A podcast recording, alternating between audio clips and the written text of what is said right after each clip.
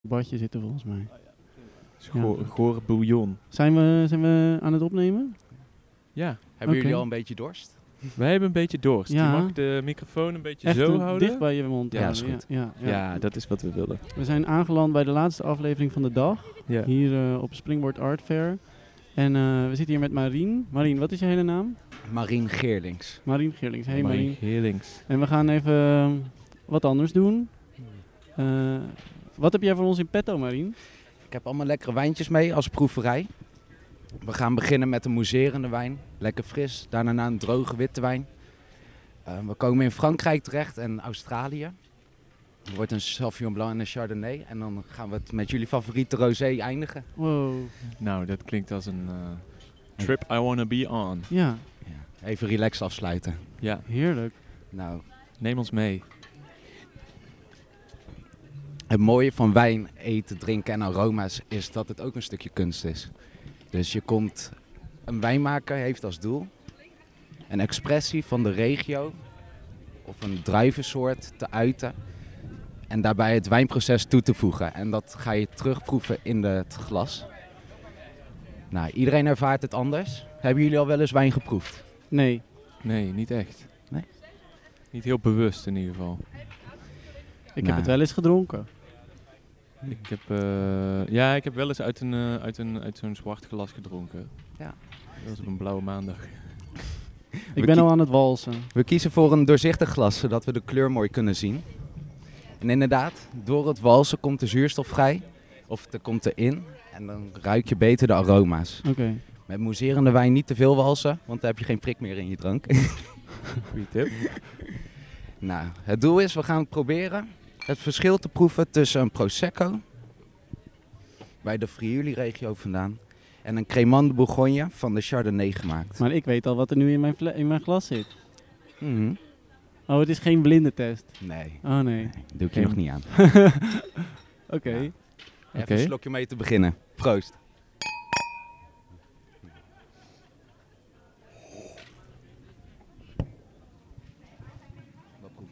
Mag ik dat gewoon meteen doorslikken?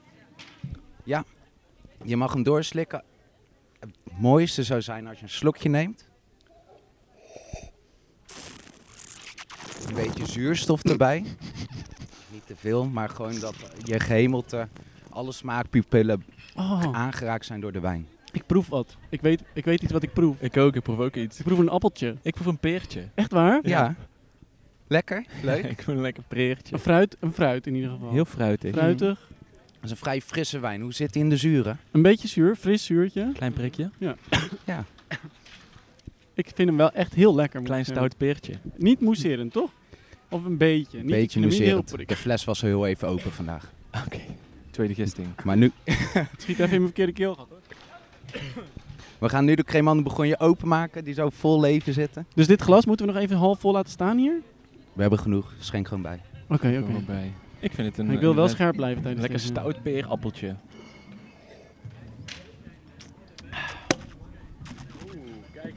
Hatzee. We we poppen. Popping Nou, bottles. Deze Cremant is net zoals de champagne gemaakt. Dus wat dat betekent, ze hebben het eerst gegist in een stalen vat. En daarna gisten ze het door op de fles. Dus deze zou wat meer karakter hebben.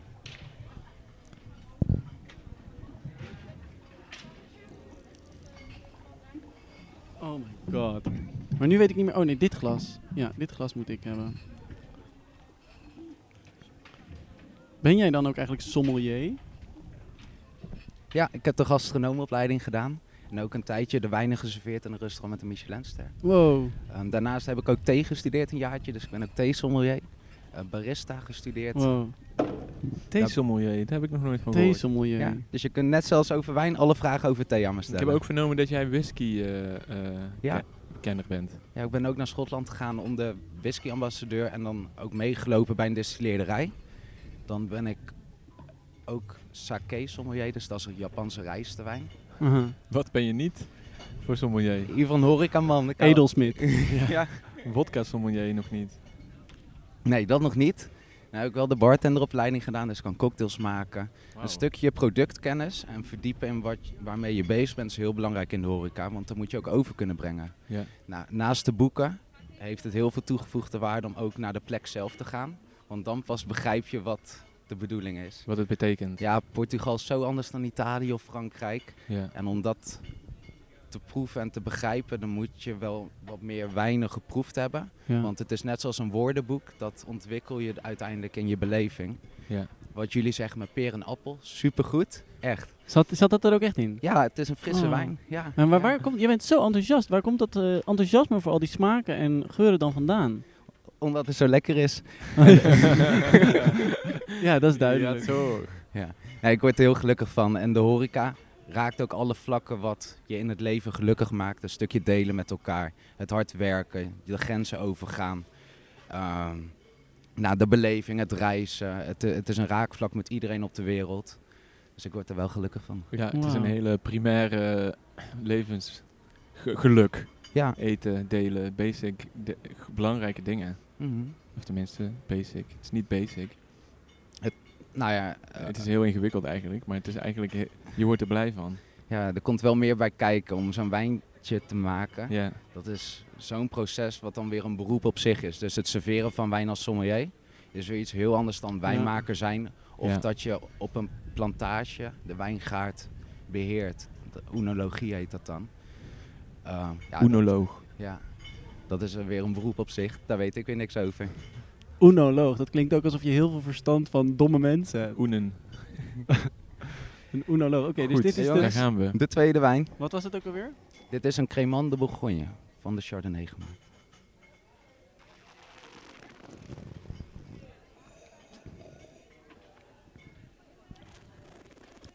Oh. Ja, heel anders. Hoe ervaren jullie het?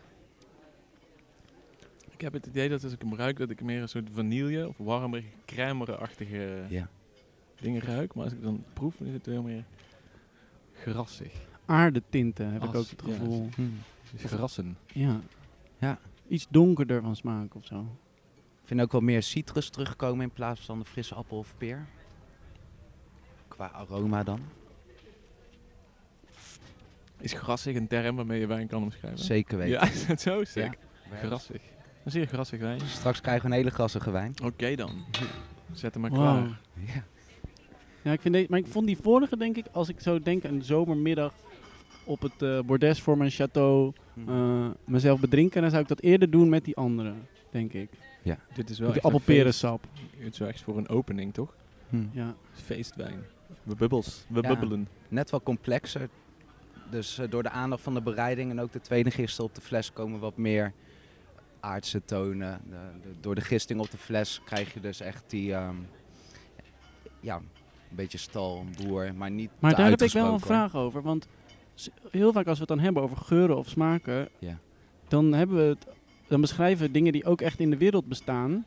Mhm. Maar eigenlijk is het, bedoel, ik snap wel dat het misschien appelig of perig is, maar de druif is toch gewoon een druif. Dus hoe komt er dan, en een, het is niet alsof een druif, alsof je een druif een, een maand in een stal kan hangen, zodat het een soort stallige, hoe, het is toch alleen maar een proces van fermentatie. Dus Ja. hoe geeft dat dan zoveel verschillende dimensies van Hmm. smaken, die wel refereren aan dingen uit de echte wereld? Ja, hele goede vraag. En dat is best wel een interessante, want het is inderdaad een ontwikkeling van fermentatie. Dus dat zet chemisch bepaalde stoffen om wat dan aromastoffen worden. Hoe je dat interpreteert, dat is voor iedereen anders. Dus wat je ook zegt, of een appel, peer, misschien, nou, dat is voor iedereen zijn eigen woordenboek en ervaring. Het leuke is, jullie kennen wel de snoepbanaantjes met, eh, met een bananengeur. Die ruiken niet zoals echte banaan. Nee. Weten Nee. jullie wat natuurlijke aroma's zijn? Eh, aroma's die natuurlijk zijn? Ja, maar dan op de snoepetiket en eh, heel veel andere Oh, producten. nee, nee, nee, geen idee. Je kunt dus een geur, dat zijn moleculen die verdampen uit je drank of product. Waar dan ook, dat, eh, dat vliegt.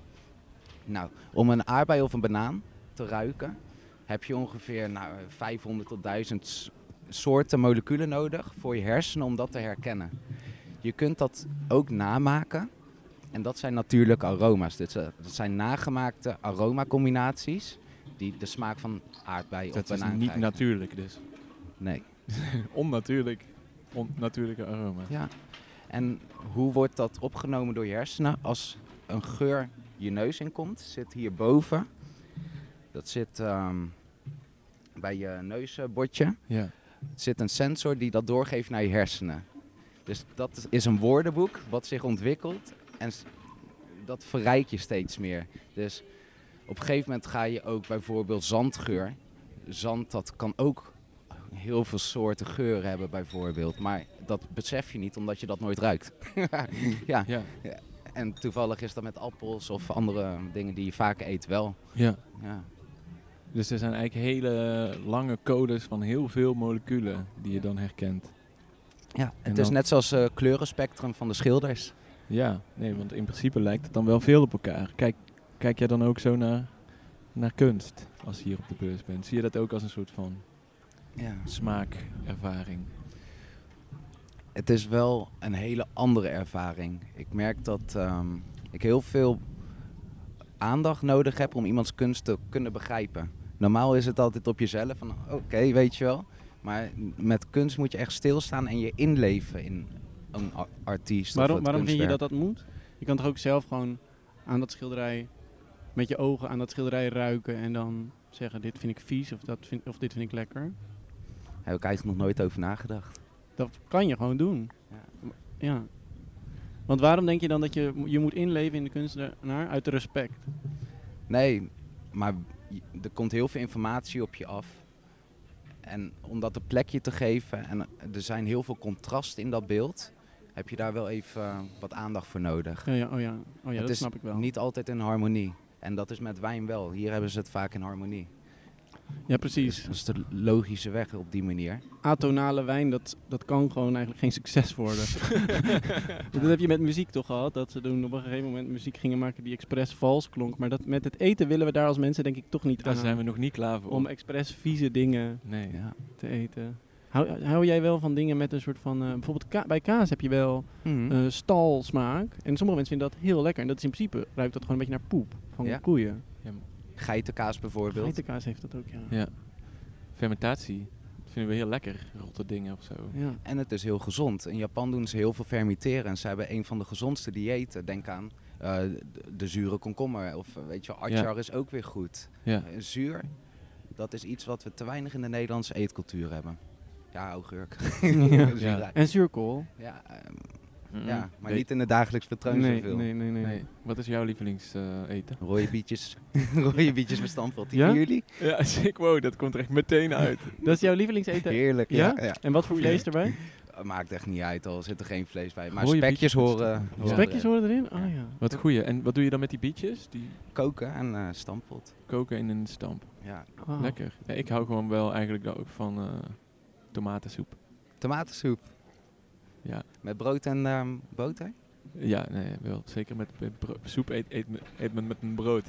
Ja. Ja, nee, tomatensoep is denk ik wel mijn alle... ehm, daar kan je zoveel mee, eigenlijk. Het klinkt heel simpel en een soort van... Maar het is zo'n dimensie die Mhm. open gaat. Ja. Van pittigheid en zuurheid en zoetheid en zo. Mhm. Tomatensoep. En is dat dan ook dat dat van alle voeding zo prettig voelt voor je lichaam?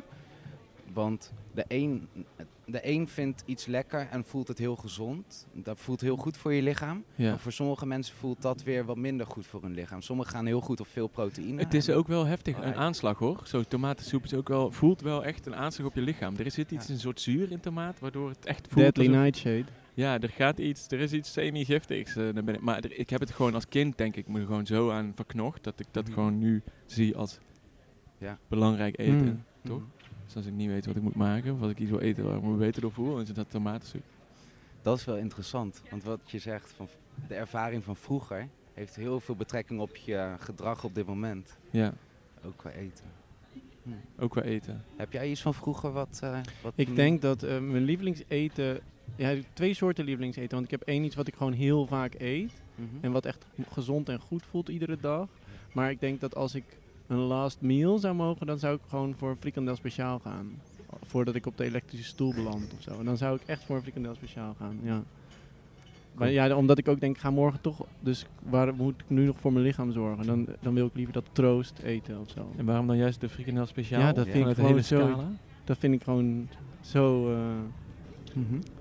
vertrouwd, maar ook altijd blijft het weer, altijd blijft het weer een beetje Vernieuwend. weer verrassend of zo. Altijd denk ik weer opnieuw van hoe ze met die frikandel, hoe ze daarbij gekomen zijn. nu Het, proef ik meer. Verveelt dit. nooit. het verveelt me echt Het nooit. is best een interessante smaak. Ik Het zeg echt je een Want ik eet ook nooit currysaus met niks. Nooit. Alleen op frikandel speciaal. Er is, is iets aan de frikandel. Het is En iets wat eigenlijk ook nooit. Ja, er zit gewoon alles in van het restvlees, waardoor er eigenlijk een heel groot... Zit ook organen, zit er organenvlees in? Nee, Dat mag ik hopen. vlees. Gewoon alleen maar... eh, Ja. Alleen maar wat voor vlees? Het is separator vlees, dus dat is van de botten. Oh, ja. ja. Vooral van kippen afgehaald. Ook Omdat- beenmerg of niet? Ja, weet niet, er wordt eh, met een hoge drukspuit eh, van de botjes afgespoten.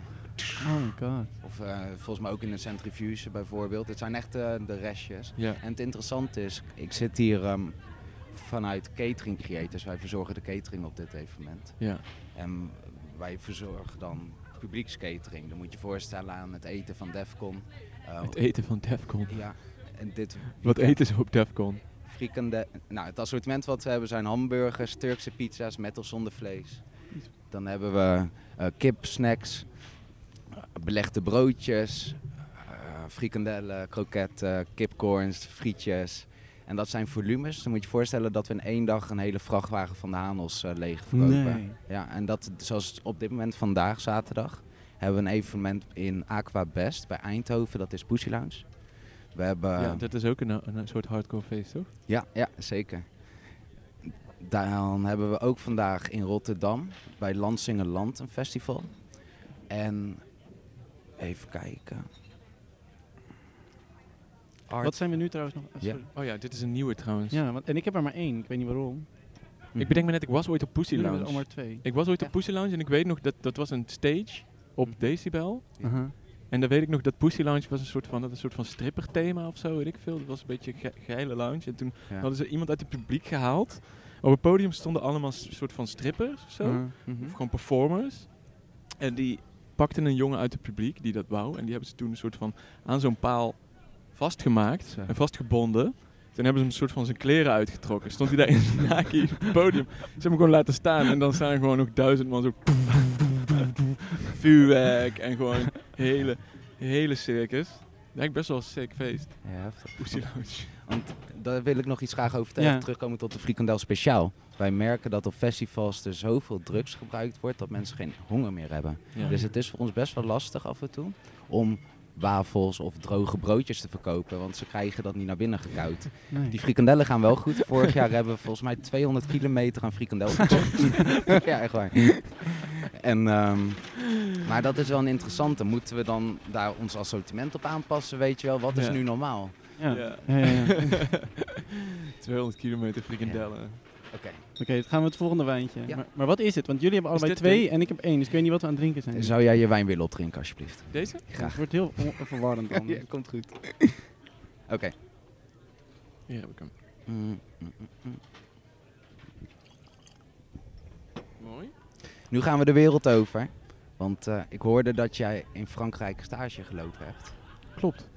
In welke regio? Ehm, welke Nou, ik heb in Parijs eh, gewoond, dus dat is niet echt een landelijke regio. Daar, wordt geen druif, daar is geen druifje te bekennen. Maar Ja. we hebben, wij zijn ook veel in het zuiden geweest, dus in de buurt van eh, boven Marseille, zeg maar. Mhm. En de, in Valence, dus dat is in de, in de Rhône, een beetje het zuidkant van de Rhône. Ja, En ik heb daar ook gefietst, dus ik ben omhoog gefietst. En toen heb ik wel daar die Rhône gezien en dat was wel echt sick, Piet. heel gaaf. Ja, dat is echt... eh, Zag je daar ook de wijnvelden? ik heb daar wel een paar druifjes gezien, ja. Ja. Ja.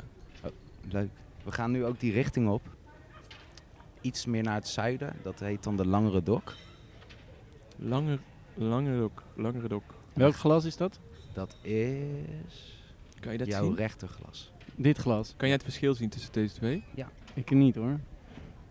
Dan zou je zeggen dat er water in dat zou ik nog geloven. Kan je ruiken Zijn. Ja, zeker. hè. Dit is de Sauvignon Blanc. Hint, hint, gassig.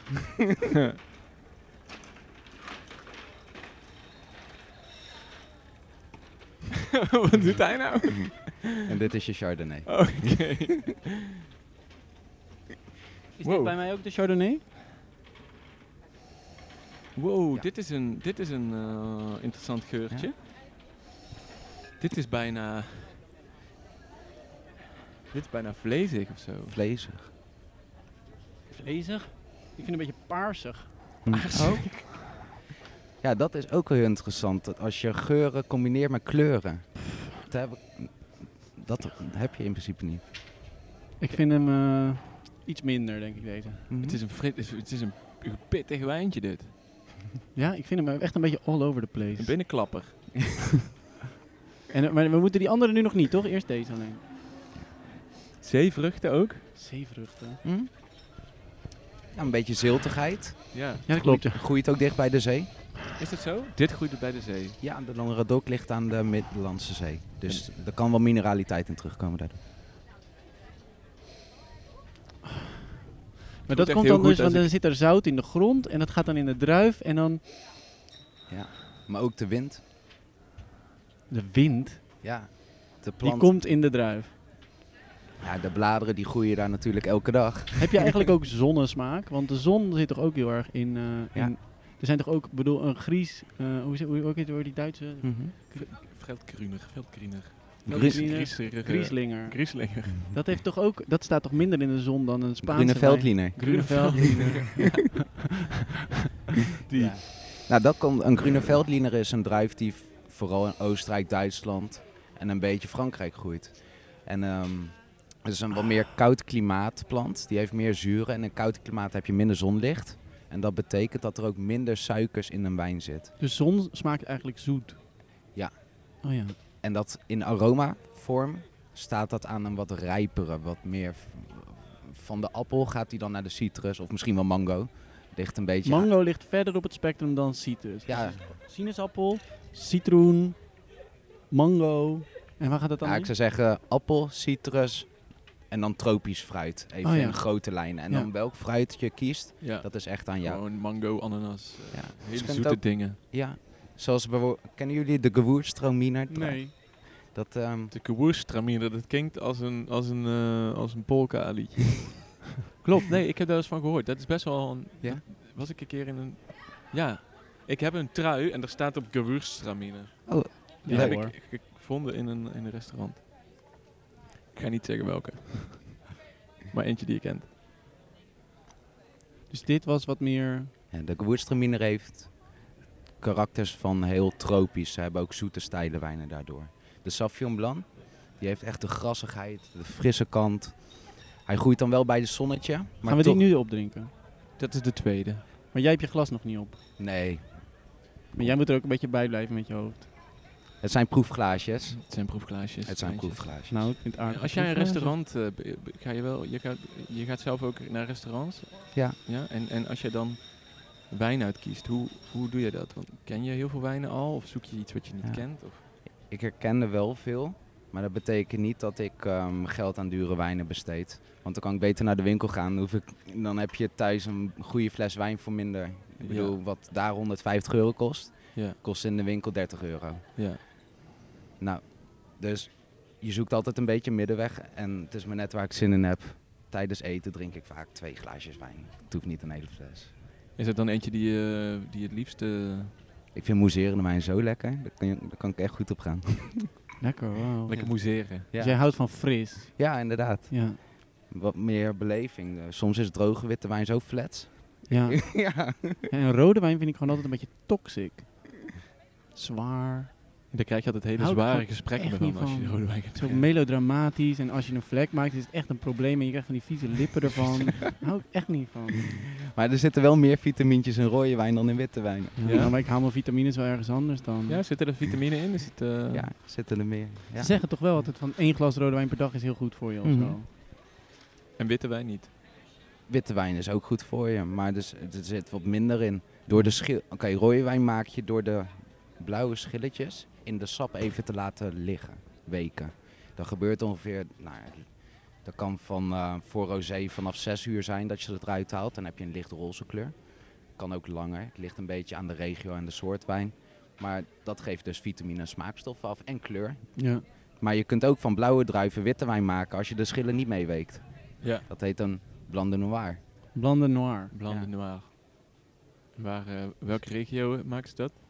Overal op de wereld, maar dit is een Franse term. Zie je in, Blanc de noir. Een wit van zwart. eh, Ja, Oh, ja. Wit van zwart. En de Chardonnay die komt uit Australië, Zuid-Australië. Oh ja. En de Chardonnay is een lichte druif, maar die wordt vaak verrijkt door het proces. Dus hij staat heel erg bekend om zijn botertonen, vooral zijn citrus. Eh, ik heb ze ook wel eens met ananasgeur geproefd bijvoorbeeld. Dan kwam die, eh, ja, Godver. het kan alle kanten op gaan, maar je hebt ook hele frisse wijnen uit de Chablis bijvoorbeeld. Precies. En is het dan nu... Dit vind ik lekker. Wat, jij vindt die Chardonnay lekker? Dit vind ik heel gaande, ja. Oh, ik vind die Chardonnay... Dit, dus dit nog, nog steeds... We hebben de, de Sauvignon Blanc nog niet gedronken, toch? Oh, ik ben, de, ik ben die tweede dan denk ik aan het klappen. Welke zou dat Die zijn? grassige. Die grassige. Ja, nee. Ja, Hmm, ja, die vind ik lekker. dat is. Ja, die vind ik ook wel lekker, ja. Wel best gecompliceerd vind ik die ook. Ja. Zo is het leven, Jan. Ook wat minder zuur en wat voller van smaak. Merken Ook, ik vind dat hem ook wel luchtig. Ik vind hem ook wel Ja. luchtig van smaak. Ja. Ja, wat ronder. Hoe, wat Ja. bedoel je met luchtig? Ja, ik vind hem juist een beetje leeg van smaak. Hm. Ja. Heb ik wel de goeie. Mhm. Ja, je hebt zeker de goede. Ik vind het wel heel knap dat je dat kan ruiken. Ja, dat, op een gegeven moment herken je dat. Dus dat is het woordenboekje wat je dan Ja. opslaat. Hij heeft echt een beetje een zurige, Ja. zurige eerste geur.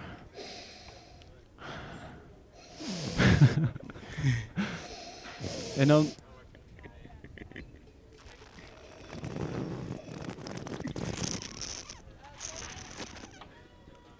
Ja, ik, ik vind hem ook bijna een beetje metalig. Sorry hoor, misschien is dat respectloos. maar Koper. ja? Koperachtig. Een Muntjes. Beetje, Ja. batterijen smaak.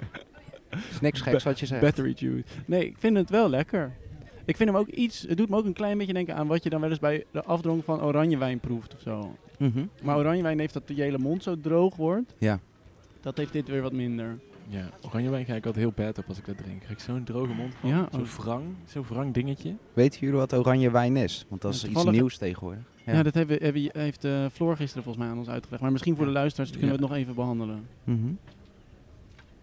Oranje wijn, dat, eh, dat eh, is de oude manier van eh, witte wijn maken. Dus dat komt uit Kroatië, in Georgië. Dus wat ze doen, ze maken sap van de wijn. Daar houden ze schilletjes bij. Dan doen ze het onder de grond of op een andere manier Van de witte druif. van de witte druif.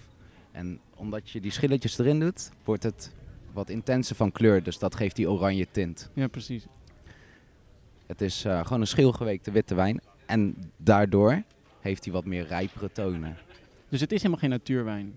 Ja, het ligt aan het proces. Oh ja. Er kan ook oranje natuurwijn, maar ook Ja. oranje non-natuurwijn zijn. Zover ik weet wel. Oh ja. Oké. Maar mijn, mijn, eh, mijn vader heeft een wijnwinkel in Helvoort. Die is ook een wijnproever. Die heeft een winkeltje. De wijnwinkel Helvoort, shout-out. Ehm, maar die heeft wel eens ook verteld, want die verkoopt dan ook biologische wijnen. Maar die heeft me ook wel eens verteld dat mensen zo heel erg wijn willen zonder sulfieten. Maar dat dat ook niet per se altijd ten goede is of zo. Dat het dus ook een soort van nodig is. Kan je iets uitleggen? Wat zijn sulfieten? Ja. Het is best wel een verwarrende vraag van wat geeft nou hoofdpijn? Want daar lopen veel mensen Als je gewoon veel zuipt, denk ik. Als je, als je een doos drinkt, dan heb je al hoofdpijn. Ja, geen water drinken. Ja. En ehm sulfiet is daarvan één reden, wat mensen vermoeden. Maar zover ik dat nu begrijp, is dat wel achterhaald. Op, ehm, als je, sulfiet is een middel om de bacteriën te doden. Dus wanneer je de druiventrossen plukt en je doet het in een bak voordat het geperst wordt, strooi je ze wat sulfiet eroverheen, zodat de bacteriën doodgaan en zo bescherm je het wijnproces. Je moet voorstellen als er vervuiling of bacteriën in zitten, weet je niet zo goed wat het resultaat gaat worden. ja. Dus het is, en sulfitis komt ook gewoon in de natuur voor. Wat is het precies? Weet je het? Volgens mij een mineraal, moet ik even goed Is nazoeken. iets van een steentje of zo. Ja, het is niks geks. Nee, en dat wordt dus eigenlijk al eeuwenlang gebruikt? Of is dat sinds de industriële... Ja, het, eh, ik weet niet hoe het 100 jaar zat, maar het is wel een algemeen voorkomend iets, zeker Ja. weten. En dan heb je nog een tweede, wat de tannines zouden kunnen zijn. Tannines van rode wijn. Dat, ehm, dat is gewoon een bittere stof en misschien reageer je daar niet zo goed op.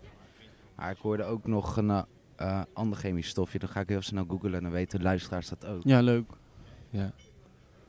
Hoofdpijn van wijn. Heb je hoofdpijn? Nee hoor, Ik ook niet. helemaal niet. Maar ik heb wel, ga nu wel even spa rood drinken. Even een spritsje. tussendoor. Ja. Ja. Een klein spritsje. Wat Even vind de jij eigenlijk- smaakpupillen opfrissen. ja, want wat vind jij eigenlijk van, dat, dat doen wij soms, Ehm rosé spritsen. Dus dat betekent gewoon half om half spa rood En eh, ja, hij heeft ze geschud. En, eh, en, eh, en, ehm, Ja. en dan doe je dus half rosé, half spaarrood. En Ja. dan misschien ook nog ijs erbij zelfs.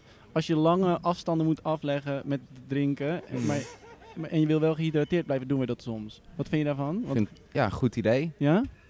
Want Floor was gisteren echt een beetje beledigd dat we zeiden dat we dat deden. Ja, voor de kwaliteit van de wijn. Dus waar we, als we terugkomen naar het begin, dat je een klimaat hebt, een plek, wijnproces en dat de boer heel erg zijn best doet om die expressie weer te geven in je glas, gaat natuurlijk ten koste van wat je Ja. net zegt. Ja, Want ja. Moet je niet doen met speciale dingen. Nee, maar dat doen we ook gewoon meestal met vrij rustige rosé, toch niet iets heel bijzonders of zo. Zou je zelf wel een keer eh, wijn willen maken? Is dat een, een van je passies, denk je? Ja, het lijkt me wel leuk om met het proces mee te helpen. Ja. Maar ik denk niet dat ik zelf... Zit hier iemand heel stiekem te kijken? Ja. Wat gebeurt hier nou? Er komt hier zomaar een, eh, Iemand een glaasje meedrinken? er komt hier zomaar een glaasje meedrinken. Hij is Zo. klaar met werken, dat heeft hij verdiend. Ja, oh, kijk eens aan. Maar hebben wij die al wel geproefd? Hebben wij die al geproefd? Ja, die hebben jullie Die hebben we geproefd. Eh, dan wil ik zo meteen wel even horen wat er allemaal door je heen gaat als je dat drinkt. En maar jij was... Kan je me even vertellen wat je ruikt? Nou, Dit ik ruik een heerlijk wijntje die vooral na werk nog echt veel beter smaakt. Een goede nadronk, nawerkdronk. Dat kan je wel zeggen, ja. Nou, fijn. Geniet ervan. Hmm. Het eh, woord van de hoofdpijn, het zou ook histamine kunnen zijn. Dat woord ken ik wel. Wat is dat? Histamine? Heb ik wel eens van gehoord. Ik niet. En dat, eh, dat geeft een effect op het samentrekken van je bloedvaten. Dus Dus ja, in, kortom, er zit van alles in wijn waar je hoofdpijn van krijgt. ja, ja. Bier naar wijn, geef venijn. Dat is, ja, heb, je daar nog iets over te zeggen? Bier naar wijn geven venijn? Fabeltje? Of, is dat echt zo? Het ligt een beetje aan je dag, denk ik. Oh ja. Ligt een beetje aan je ene dag. keer is het wel lekker, andere keer niet. Ja. Wijn naar bier geeft plezier, maar het ligt ook maar aan hoeveel bier daarvoor In, is. in mijn Ja. ervaring is dat wel echt zo hoor. Als ik bier, wijn naar bier drink, dan, maar dat kan ook een dikke placebo zijn. Je kan alleen maar omhoog gaan, net als de prijs van kunst. Het kan alleen maar omhoog. Ja. Je had nog een vraag, die ook nog niet beantwoord. Eh, wil jij ooit je eigen wijn maken? Dat, was hem. Ehm, nou, ik denk dat het proces een grote investering is en eh, dat het best wel veel aandacht vereist. Dus ik, ik zou wel graag in het proces mee willen helpen om het te begrijpen. Maar het zou niet mijn specialisatie zijn. Misschien als ik mijn pensioen en een mooi plekje heb, zou het wel kunnen. ja. Een soort Ilja Gort wordt. Ja, Ilja Gort. ja, dus ik weet het niet. Het is nog niet in mijn ambitie. Ik, Maar je bent dus nu gewoon al die dingen aan het afgaan om gewoon een soort van expert in proeven te worden of zo. ik zou heel graag een bartender willen worden die internationaal zijn service verleent. En daarbij komt productkennis kijken en ervaring. Ja. Ik heb nu Nederland grotendeels leren kennen en nu spelen we buiten op de festivals. ja. En straks eh, ga ik mijn eigen weg en dan wil ik graag de wereld ontdekken. Waar wil je heen? Overal, overal. Heb je al iets op het oog? Nou, MoMA Japan?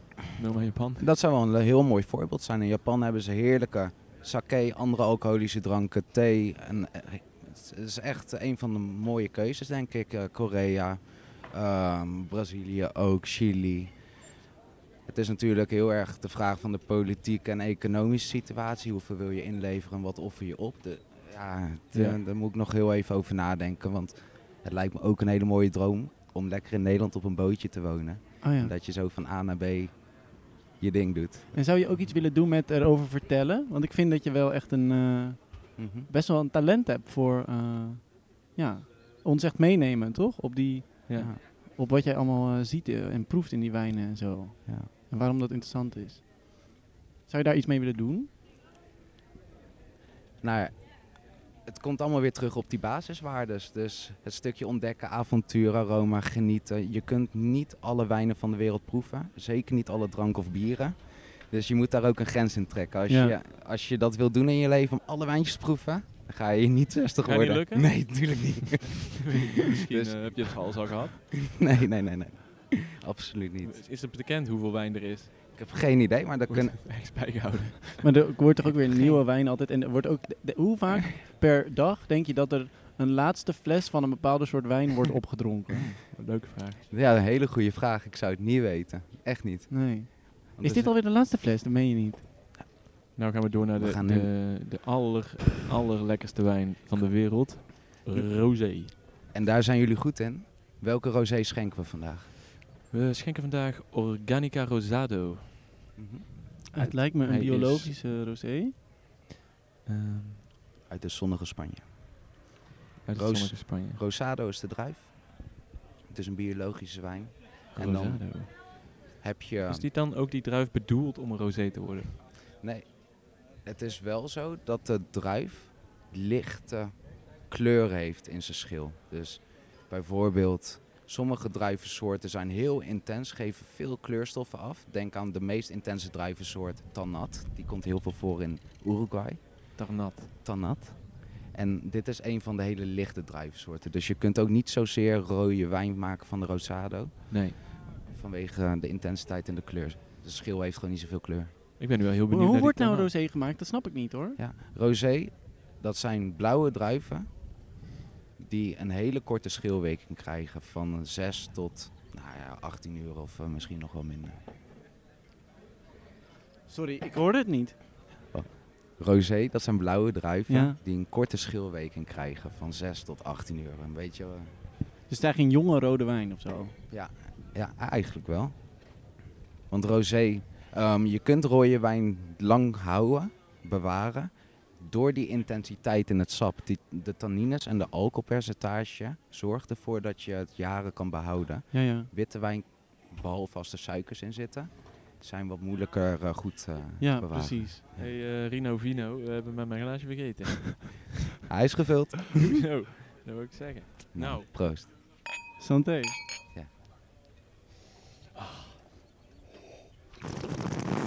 Dat is thuiskomen. ik moet altijd hoesten als ik dat doe. Eh, heb je ooit over nagedacht om, om, om gewoon eh, jouw bedrijf Rino Vino te... ja, dat is nog nooit. Nee, leuk, je leuk hem- bedacht. Je kan hem eh, gebruiken. Ja. Ja, ik vond toch, ik denk nog steeds Mhm. dat ik die allereerste die we dronken, Mhm. Die, die eh appelpeerswijn, Ja. ik denk dat ik die gewoon het lekkerst vond van alles wat we net hebben Dat was een gedronken. heerlijke, ja. Dat was ook een Eh, heerlijke. Alleen had die wat mij iets mousserender gemogen. Iets museerende, ja. Ja. Deze is wel wat kruidiger, de rosé die je nu proeft. Vinden Mhm. jullie dat ook? Nou ja, dat kan nu geen nee meer zeggen. Jawel. Iedereen beleeft dat op zijn eigen manier. Hmm.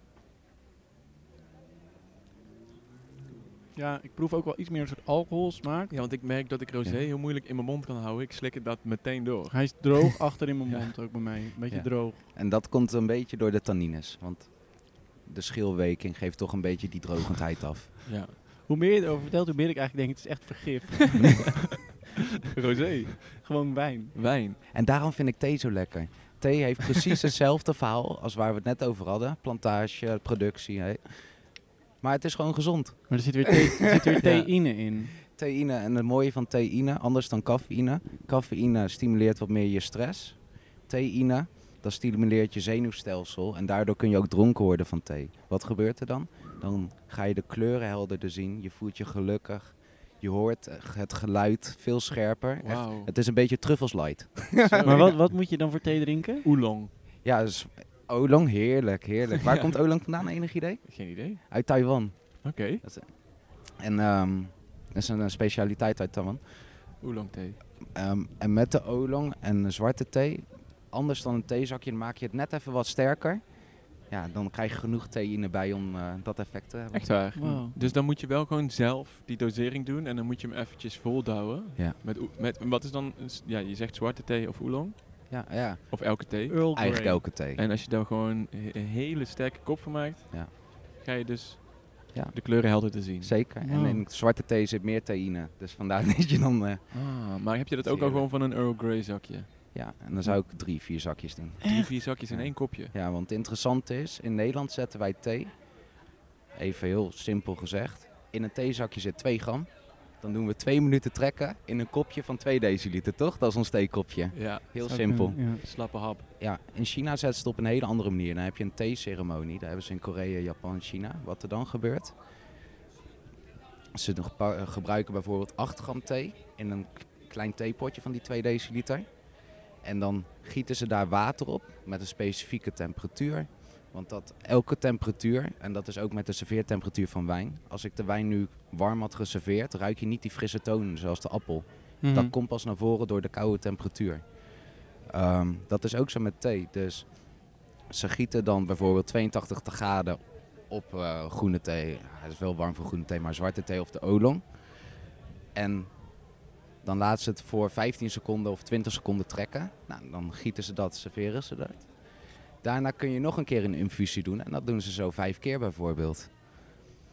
Wij Dus je gooien doet ons... heel vaak korte infusies. Ja, en elke keer dat je die infusie, infusie doet, komt er weer een andere expressie van de thee. Want dat vroeg ik me nou, in de horeca bijvoorbeeld, met een espresso machine voor de koffie. Waarom kun je niet hetzelfde koffiekoekje nog een keer gebruiken? Ja. Omdat Heb het dan is verbrand.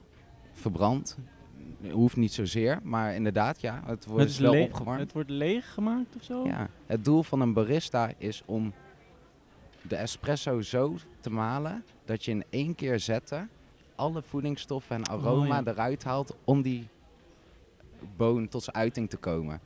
En dat is ook zo met thee. Je kunt gewoon het zakje laten gaan totdat de kleur en smaak op is. Dan is het leeg. ja. Oh ja. En ehm, Wauw. Maar, maar dus, waarom dan eigenlijk kort in plaats van lang laten trekken? Als je het lang doet, dan komen er te, te veel bittere stoffen. Dan is het te geconcentreerd. Mm. Want Ja. thee blijft wel een delicaat drankje. Ja. Oké. Dus, dus je moet hem... En, en dan heb je een speciale waterkoker voor of zo? 80 graden. Ja, En dan giet je dat over de thee. ja. Giet je het weer af. Ja. En dan...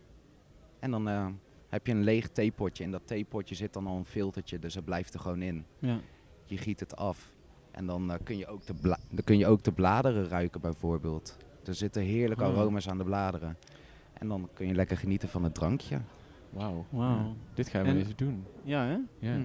En wat vind jij dan van... eh, ik drink nu heel vaak eh skullcap thee en passiebloemthee. Ja. Want dat schijnt een soort van kalmerend te zijn of zo. Maar volgens mij zit daar dan geen theïne in. Volgens mij is dat een soort... is Ja. gewoon, een, gewoon een blad. Volgens mij is er geen thee eigenlijk. Ook een hele leuke vraag. Is het vrij schenken trouwens nu? Ja, vrij Oh, schenken. lekker man. Mag ik nog een keer die eerste? Wat was dat? Welke was dat? de eerste die met appelpeer. Ja. Ja. Die Ja. Gaan we terug naar de. Prosecco. Daar gaan we Oh, heerlijk. Bring me back. Het maakt trouwens ook niet uit om hetzelfde glas te gebruiken voor wijn. Zolang er maar witte wijn is, is het goed. Ja.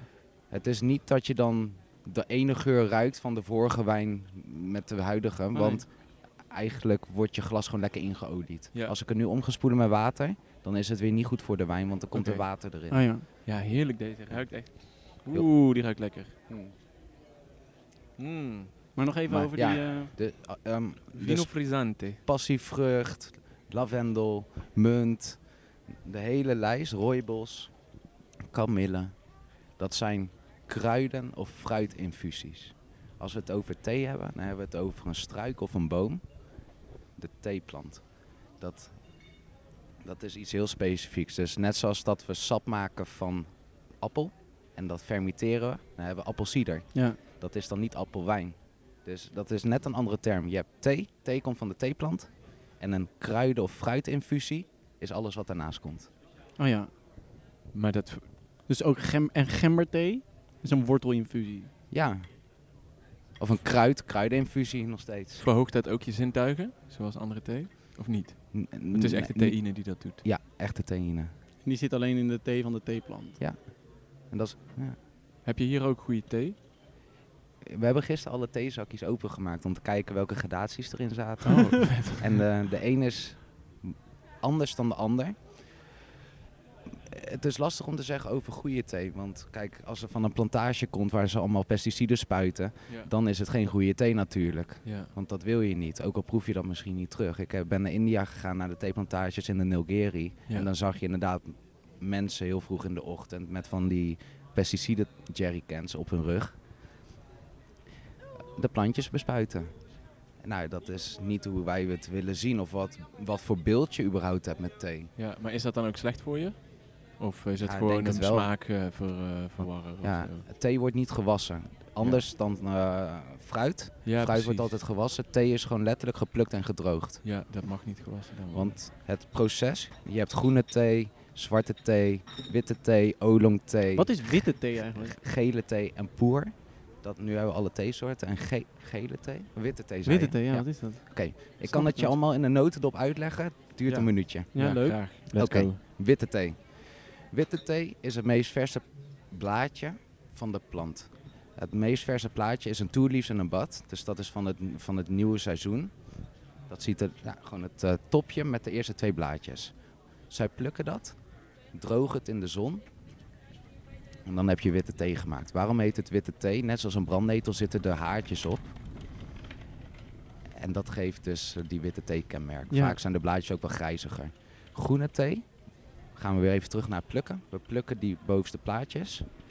Dan gaat eigenlijk voor, tussen het droog in is het verwelkingsproces. Dus net zoals een blaadje sla, dat gaat toch rotten als je het op Mhm. de aanrecht hebt liggen, weet je wel. Dat gebeurt ook met een theeblaadje, dat krimpt een beetje. Maar wat er in dat blaadje gebeurt, in de sap, zijn de enzymen die de aroma's ontwikkelen. Net zoals met wijn. Op het juiste moment besluiten ze om hem te, do- het, eh, in een wok te doen, te verwarmen. Vooral in China zo. En in Japan doen ze het altijd met stoom. Daarom is Japanse thee wat frisser, wat grassiger dan de notige Chinese thee. Mhm. Komen weer terug op de warmte.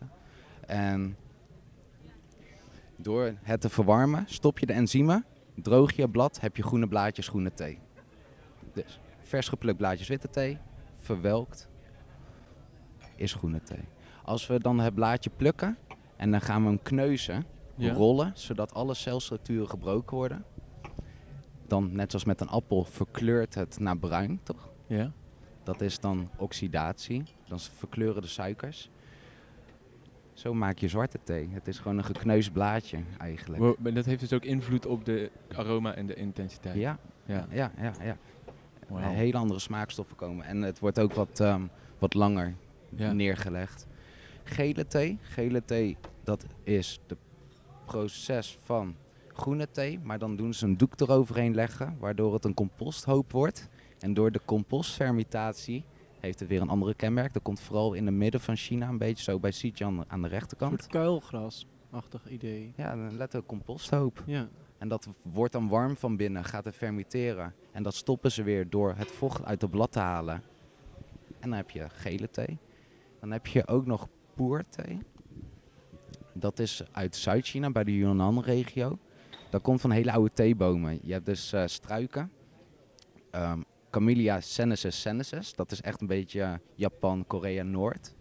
Maar dan heb je ook Camellia assamica.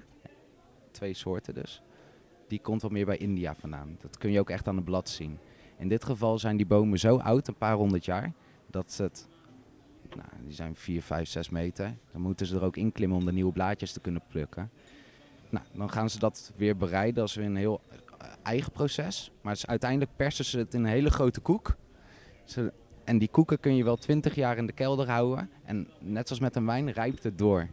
Normaal moet je thee altijd vers drinken. Want het verliest anders de aromastoffen. Maar met deze thee rijpt die door omdat je een klimaat in die koek eh, maakt. Wow. Dit is nu al mijn favoriete thee. Ik ga deze opzoeken. Hoe heet deze thee, sorry? Poer. Poer. Poer. PU, hoogstreepje ER. En die heeft heel veel aardse tonen. Een beetje gerookt, eh, kruidig, kaneel, zoetigheid ook. Ja. Een beetje bloemig. En eh, dat is ook een mooie met de theeceremonie. Deze thee kun je wel 12 tot 15 keer het water erop schenken. En de smaak zou nog steeds niet weggaan. Blijf maar geven. Blijf maar geven. Ja, heel Wow. geconcentreerd. Ik denk dat we aan het eind zijn van deze aflevering. Ja? Ja? Nee? Nou, ik, ik ben het allemaal aan het indrinken. Oh, ik dacht dat je gewoon zat te kijken naar de wijn. En ik nee, ook. ik ben- helemaal... eh, het helemaal heel daar. leuk allemaal. Oh, nou dan heb ik Maar we kunnen ook, ik vind het ook prima om te stoppen, maar ik vind als je nog eh, tijd om te wijnen. tijd om te wijnen. Laten we lekker Nee. genieten van de dag. Precies. Ja. Hey, super bedankt. Ja, ik vond het echt een, Jullie echt een fantastisch leuke, verhaal. eh, Ja. Ja. En wil je misschien nog eh, iets zeggen tegen de luisteraars of een lied laten afspelen? Of eh, ja, heb je nog een laatste... Laatste wens. Nou, ik wil iedereen een hele zo mooie zomer- en festivalseizoen wensen. Ik hoop dat we elkaar snel zien en dan eh, staan we klaar met Frikandel Speciaal. Lekker, lekker. Ja, heel Ja. mooi. Dankjewel. Oké. Fijne dag Dankjewel allemaal. Marien.